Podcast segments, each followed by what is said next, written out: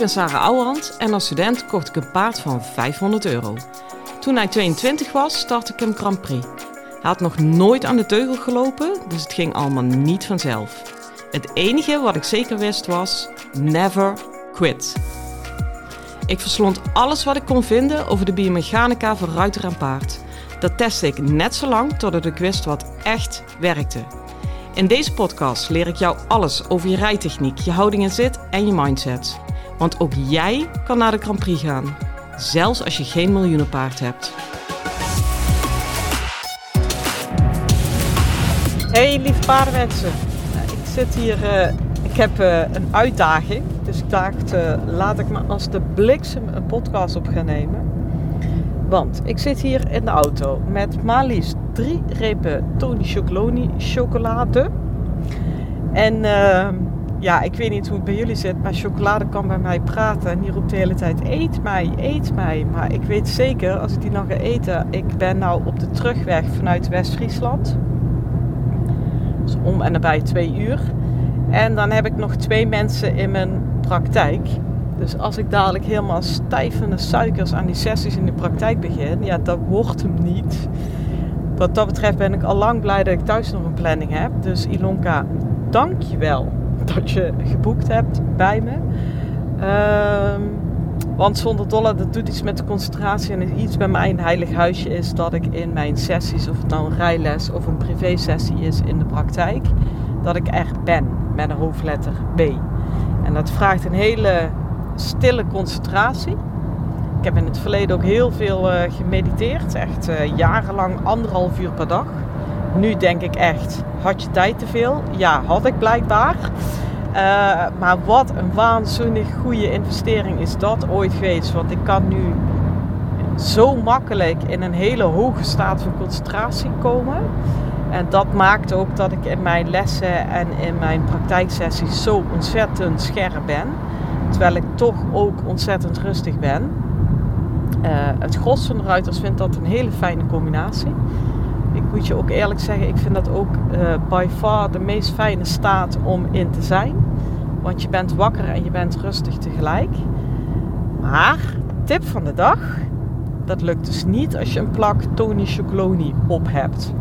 Ook niet een stukje, want een stukje blijft nooit één stukje. En zeker niet bij die krengen van Tony Chocolonis. Want die, ja, als je het nou over marketing hebt, hè, die breken zo, on, zo af uh, met stukjes die niet gelijk zijn. En dan zitten vooral heel veel kleine stukjes ook tussen. Dus ik denk iedere keer van, oh ja, dit kleine stukje kan nog wel. En dan, ja, je blijft peuzelen. Anyway, je weet, gelukkig weten de meeste mensen hoe het werkt. Uh, dus ik heb ze, dat vond ik wel een slim, ik heb ze in mijn achterbak gelegd. Dus de enige weg naar de chocolade is nu nog stoppen bij een tankstation. Nou vind ik dat gelukkig een beetje mijn eer te na. Hoewel ik net ook al op de benzinemeter zag dat ik zo meteen moet tanken. Dus we hebben nog een valkuil voor de boeg. Maar voorlopig uh, gaat het goed. Nou, ik uh, zei het al, ik kom uit West-Friesland. Dus bij uh, OWF Venhuizen. Dat hoor je wel vaker voorbij komen in mijn podcast. Maar ik ben daar ook iedere maand voor een tweedaagse. Er zijn al een aantal slimmerikken geweest die mij gecontact hebben van... Uh, hey, kan ik ook meerijden? Ja, dat kan. Je bent echt van harte welkom. Even het liefst een mailtje of een WhatsAppje. Uh, DM'tjes via Facebook en zo. Joh, ik heb zoveel kanalen waar ik berichten op krijg. En ik ben echt heel erg goed in lesgeven. Dat durf ik tegenwoordig wel hardop te zeggen. Maar ik durf tegenwoordig ook hardop te zeggen dat ik tikje minder goed ben in administratieve taken. Uh, dus ja, weet je, dat schiet er gewoon heel makkelijk doorheen. Dus of mailen of even appen op 06 81 87 69 56. Nou, dit, uh, dit klinkt al als een lekker begin. hey, ik had uh, vandaag ook al volle bak. Ik had uh, even denken, zes. Eén iemand moest afhaken. Noah, als je luistert, heel veel beterschap. Die had twee gebroken vingers. Ja, als je nou een keer een reden wil hebben waarom je een clinic annuleert, dan is het dat. Daar zijn we ook enigszins uh, streng in. Nou ja, weet je wat is streng? Je maakt gewoon afspraken met elkaar en je bent er. En je bent er alleen niet als je een damn good reason hebt.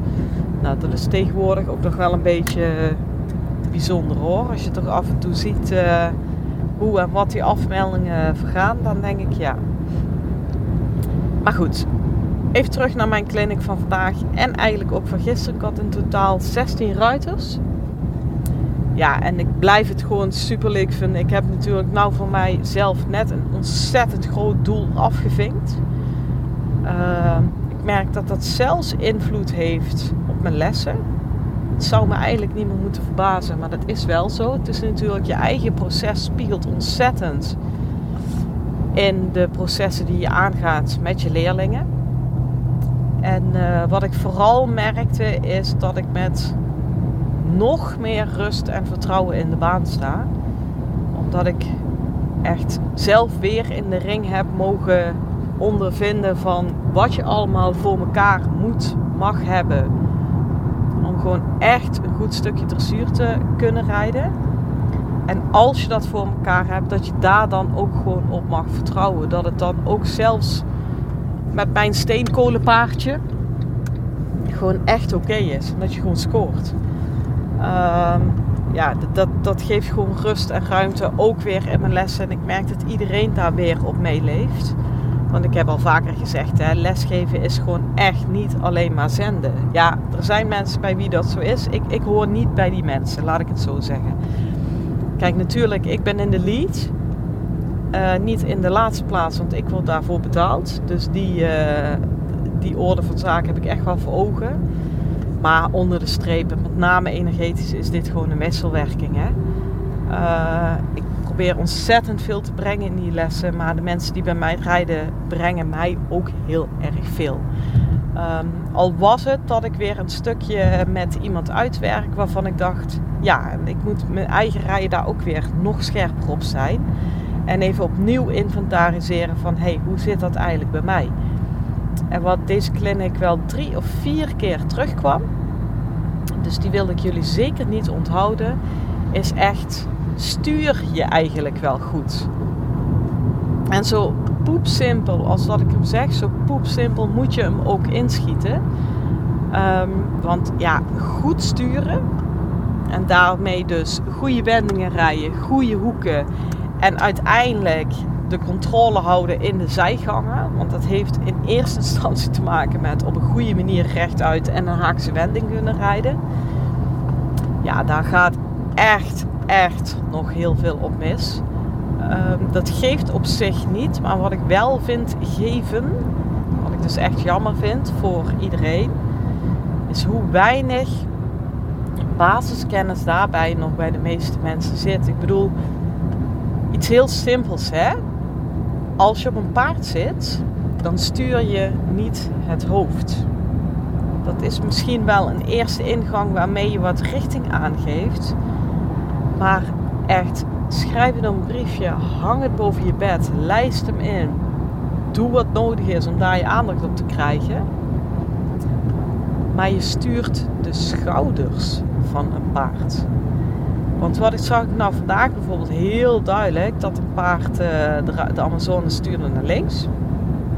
Nou, dat paard kwakt zijn hoofd naar links. Maar die schouders doen helemaal niks. Er was geen effect van het feit dat het paard het hoofd naar links bracht op de schouders. Nou, in de hele hoge dressuur kan dat nog wel eens wenselijk zijn. Want dan kun je bijvoorbeeld de oefening hebben: ik rij recht uit. En ik wil hem op de rechte lijn compleet links gebogen hebben. En links gesteld. Om echt die diepe buiging te bevestigen. Nou, ik kan je vertellen, dat was hier niet aan de orde. Zij wilde echt naar links sturen. Ja, dat zie ik zo vaak in meerdere en mindere mate dat ik dacht, ik kaart het echt nog een keer aan. Ik heb het al eens een keer eerder benoemd. Als het hoofd en de hals naar links gaan, maar de schouders lopen naar rechts of rechtdoor, dan heb je dus geen stuur. Sterker nog, bij dit paard verdacht ik hem ervan. Ja, hij kwakt zijn hoofd naar links om van het gezeik van die linkerteugel af te zijn. En dat was het wel zo'n beetje. Gymnastische waarde, nul.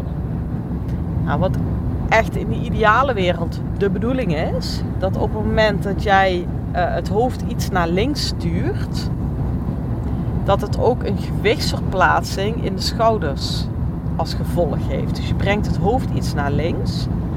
Daardoor krijg je iets gewicht op de linkerschouder. Je brengt het hoofd iets naar rechts. En uh, je krijgt iets gewicht op de rechterschouder. Dat betekent dus dat je zo op die manier via de schouders kunt gaan sturen. En hier zit iets trickies in, want natuurlijk is het niet zo dat als jij naar links stuurt, dat hij lekker op zijn linkerschouder mag gaan hangen. Zo bedoel ik het niet. Maar wat ik bedoel is dat je invloed krijgt op, op de gewichtsverdeling in de schouders via de teugel en in het eerste instantie dus via het hoofd. Oké, dus zeker bij de jonge paarden mag je af en toe best wel een keer goed doorsturen naar links om invloed te krijgen op die linkerschouder. Een zeer hoog opgeleid paard moet dat hoofd en het hals naar links en naar rechts brengen nauwelijks meer nodig hebben. En dan is het toch, als ik een ophouding aan mijn linkerteugel geef, dat mijn paard meer naar zijn linkerschouder gaat. En als ik een ophouding naar de rechterteugel geef, dat hij meer naar zijn rechterschouder gaat. Dat is wat mij betreft sturen. En anders ben je aan het sleuren. En dan heb je hem weer, dan kom je wel mee weg in de B, in de L1, in de M2 of uh, in de L, L2. Ja, en in de M begint het al spannend te worden, want dan komt die schouder binnenwaarts. En nou, als iets schoudercontrole is, is het schouder binnenwaarts. Want je moet een schouder zoveel naar binnen kunnen plaatsen. Als dat hij niet naar binnen valt en toch rechtuit loopt. Nou, succes daarmee. Dat is best in het begin zeker nog wel een klusje. Maar als jij in de B je al permitteert dat de schouders het hoofd niet volgen. Forget it in M. Echt forget it. En ik ben ervan overtuigd en ik vind het voor de ruiters zelf zo ontzettend zonde. Dat er zoveel mensen een breekpunt hebben in de M en daar dan misschien stoppen. En als het bij de M niet is, dan is het in ieder geval naar de Z. Omdat dit soort dingen niet in orde zijn. Weet je, als, je, uh, als de schouders niet het hoofd achterna gaan, hè, of als je de schouders niet via de teugels voldoende kan beïnvloeden, hoe on earth ga je dan ooit een pirouette draaien? Want een pirouette is niet pirouette links, heb ik het dan over, de kop naar links trekken. Pirouette links is iedere sprong bij de schouders een stuk meer naar links kunnen plaatsen.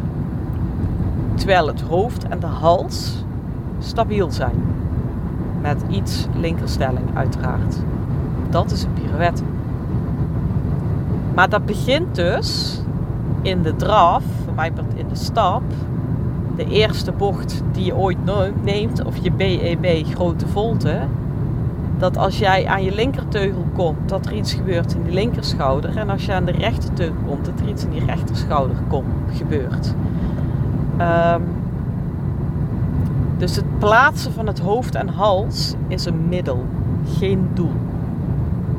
En het is zelfs een middel wat je in het begin heus wel even nodig mag hebben. Maar wat je, waar je zo snel mogelijk vanaf moet. Snap je? Dus ga dat eens even checken. En zeker als je moeite hebt met de zijgangen. Uh, is dit echt het hele Jip en Janneke sturen echt, echt, echt de moeite waard. Ik was ook met iemand bezig in het appartement. Dat hebben we weer helemaal uit zitten te pluizen.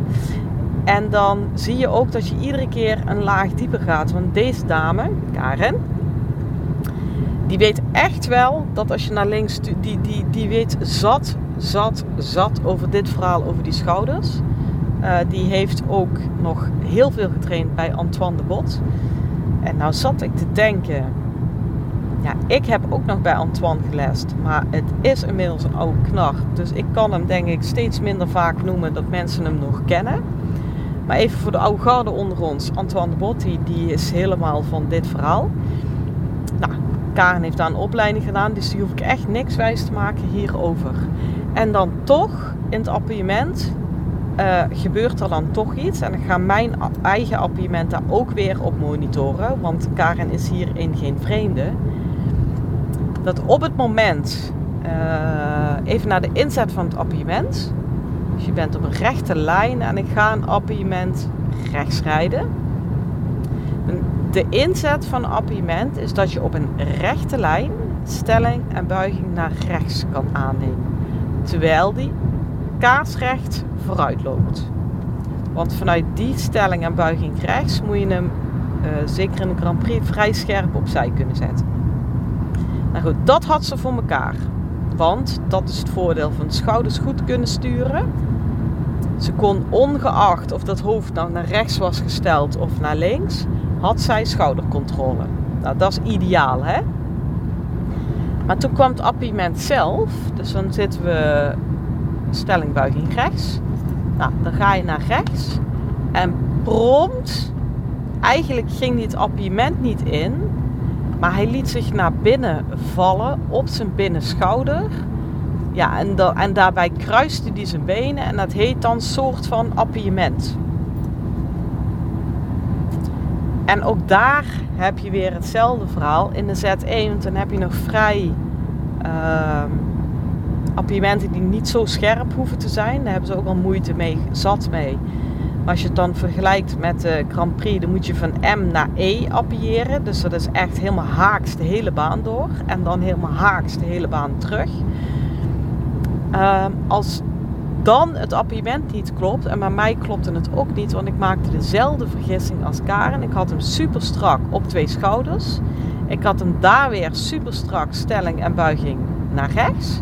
En bij de inzet, die vertaalde ik eigenlijk, ja, laat hem nou maar naar binnen rollen, binnenvallen. En dan bij gratie gods komen we ergens zo halverwege de x uit.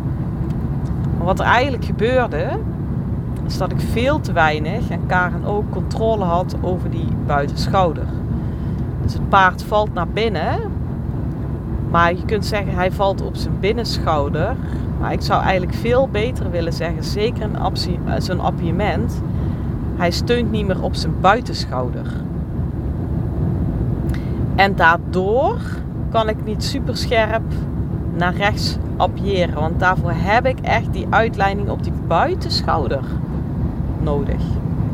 Terwijl iedereen totaal gericht is op uh, het appartement naar binnen toe, naar de kant waar je, waar je naartoe rijdt. Snap je?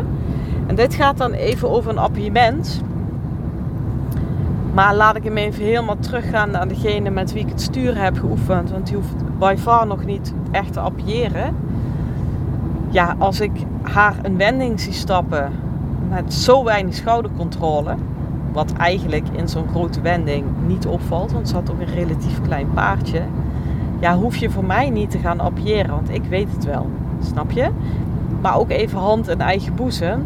Ik ken dit verhaal, ik loop dit even overal te prediken. Ik kon ook een aardig stukje appiëren, totdat ik dat K-scherpe appiëment in de Grand Prix kreeg. Toen dacht ik, hmm, valt toch wel weer mee, die schoudercontrole. Lieve luisteraars, ik breek heel even in. Op mijn accommodatie organiseer ik regelmatig workshops, trainingsdagen, masterclasses en noem het allemaal maar op. Alleen die zitten meestal al vol nog voordat ik het op de socials heb gezet.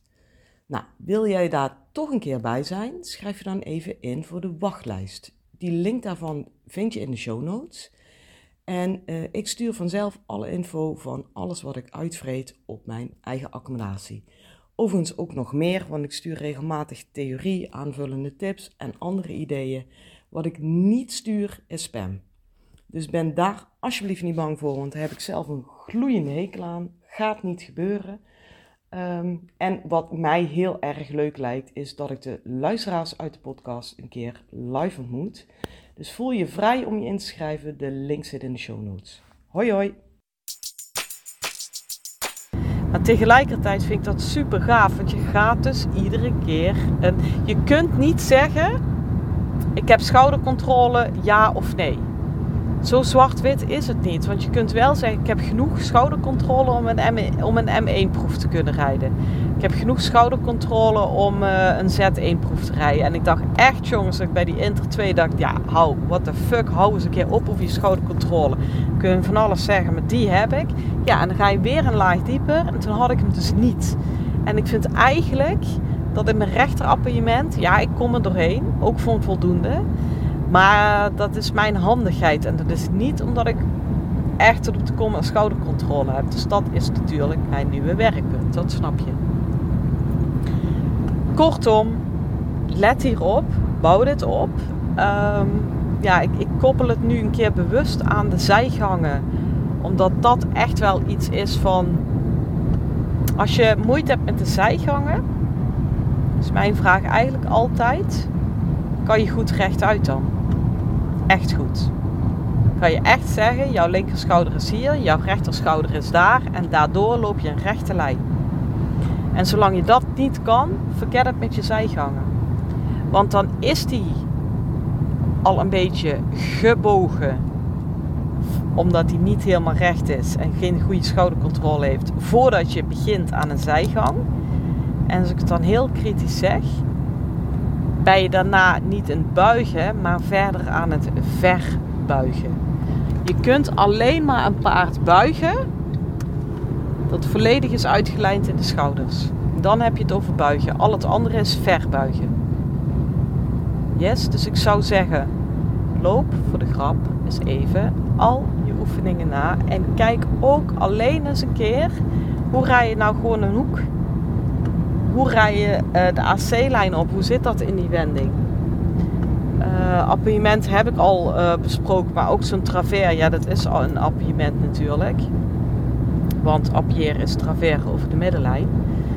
Uh, kijk, iedereen is dan bezig met die kont naar binnen. Ja, allemaal leuk en aardig. Maar ik kijk naar die schouders voor. Blijven die echt naadloos recht? Want hij kan zijn kont veel naar binnen gooien zodat hij zelf wil. Als dat, geen, als dat zorgt dat mijn schouders niet meer recht op één lijn lopen, heb ik nog niks. Dat gebeurt vaak. Yes? Jongens, ik zou zeggen, ga dit dus even voor jezelf uitpluizen. Ik kom hier ongetwijfeld nog een keer of 10, 20 op terug. Um, doe ik ook met liefde. Dit is in ieder geval een super belangrijke ingang hoe je in het algemeen al je zijgangen verbetert. En dan wens ik jou voor nu een hele fijne dag en veel plezier met je paard. Hoi!